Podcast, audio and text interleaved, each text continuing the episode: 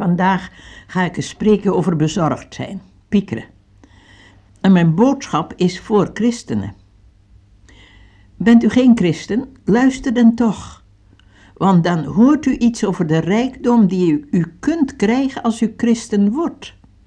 De weg is open. Deed u het nog niet, dan kunt u het nu doen. Kom tot Jezus. Dat is de weg om een christen te worden. Ieder die in hem gelooft, wil hij een kind van God maken. Hij stierf aan het kruis voor de zonde van de hele wereld, ook voor de uwe. En die tot hem komt, zal hij geen zins uitwerpen, zegt de Bijbel. Dat betekent vast en zeker niet terugsturen. En dan gaat hij u in grote liefde trainen. En iets over die training ga ik in een paar boodschappen over Transwoord Radio vertellen. Kijk, als je christen bent, betekent dat niet dat er geen strijd te strijden is. Je bent juist een strategisch punt voor de vijand en een van de succesvolste wapens van de duivel is bezorgdheid. Om in die strijd overwinnend te zijn, moeten we goed leren luisteren naar wat de Bijbel daarover zegt. En daar ga ik iets van vertellen, maar ook van wat ik hoorde van anderen en las in boeken van ervaren christenen. God spreekt door zijn woord, maar ook door zijn kinderen. Ik las eens, de levensstijl van een christen moet er een van overwinning zijn, van blijdschap, van overvloed. Van onze kant is er alleen nodig een zekere dosis nood en een welkom om de hulp van den Heer te accepteren. De deuren van de hemel zijn open. Houd ik vast aan gevoelens die me beletten onder een geopende hemel te leven, dan is het geen wonder als ik depressief ben. Deze woorden las ik toen ik lelijk in de put zat. En ik schaamde me. Ik nam de Bijbel en las Filippenzen 4, vers 6 en 7. Wees in geen ding bezorgd. Maar laten wij alles uw wensen door gebed en smeking met dankzegging bekend worden bij God. En de vrede Gods, die alle verstand te boven gaat, zal uw harten en uw gedachten behoeden in Christus Jezus. Ik zag er ineens iets van wat de bedoeling van den Heer is. Hoe wij als kinderen des lichts moeten leven. Krachtig, vrij, rustig en blij zijn. Dat is de opgave. De Bijbel zegt: De vreugde des Heeren zal uw sterkte zijn. En dan is er nog iets heel praktisch. We moeten goed notitie nemen van de zegeningen die Hij geeft en gegeven heeft. Tel je zegeningen. Tel ze bij dozijn en je zult ervaren dat er massa's zijn. Verder zegt de Bijbel: Laat uw wensen door gebed en smeking met dankzegging bekend worden bij God. Ja, dat betekent bidden. Bent u wel eens ontmoedigd geweest wat betreft dat bidden? Bezorgdheid is zo dikwijls bezorgd zijn voor anderen en nou juist met dat bidden voor anderen kan het dikwijls zo lang duren voor je iets van verhoring merkt.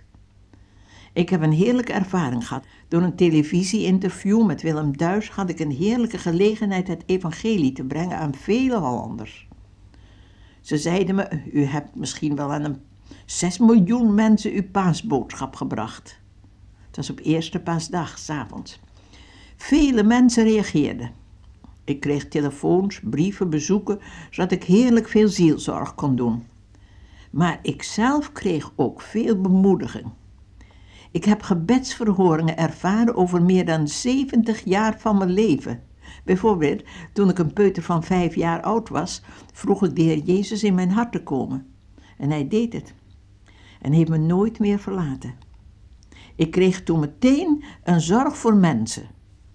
Achter de Barriorenstraat waar ik woonde was de Smedestraat, waar vele kroegen waren. In die tijd zag je vele dronken mensen op straat, die dan opgebracht werden naar het politiebureau in die Smedestraat. Ik besloot iets te doen. En ieder gebedje dat ik zei eindigde met de woorden: En Heere Jezus, wilt u de mensen in de Smedestraat redden en bekeren? Na de televisieuitzending kreeg ik een brief. Iemand schreef: Mijn man vond het zo leuk dat u vertelde dat u in Haarlem gewoond hebt. Hij heeft 17 jaar in de Smedestraat gewoond en gewerkt in het politiebureau daar.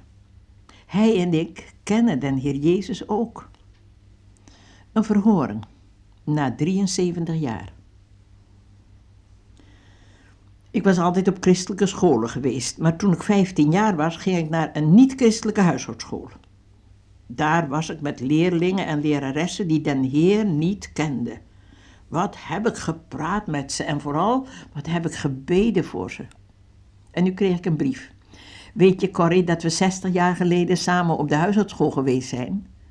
Ik zag en hoorde je op de tv. Ik wil je vertellen dat ik ook een volgeling ben van de Heer Jezus. Een verhoring na 60 jaar. Een man belde me op. Weet u dat u 45 jaar geleden hetzelfde tegen me gezegd hebt als dat u nu voor de tv zei? Ik heb altijd geweigerd te doen wat u mij aanraadde, dat ik Jezus zou aannemen als mijn verlosser. Ik geloof dat ik nu mijn ja aan hem moet zeggen. Mag ik bij u komen? Kom maar gauw.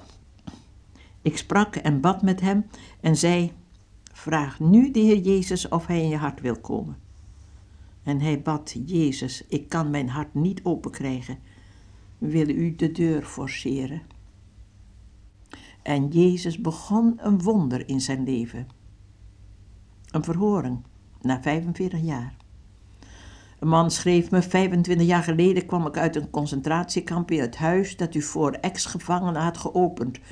U bracht mij het evangelie, maar ik was nog niet rijper voor. Nu zag ik u voor de tv en ik kan u schrijven: ik heb den Heer gevonden. Een verhoring na 25 jaar. Waarom vertel ik u dit allemaal?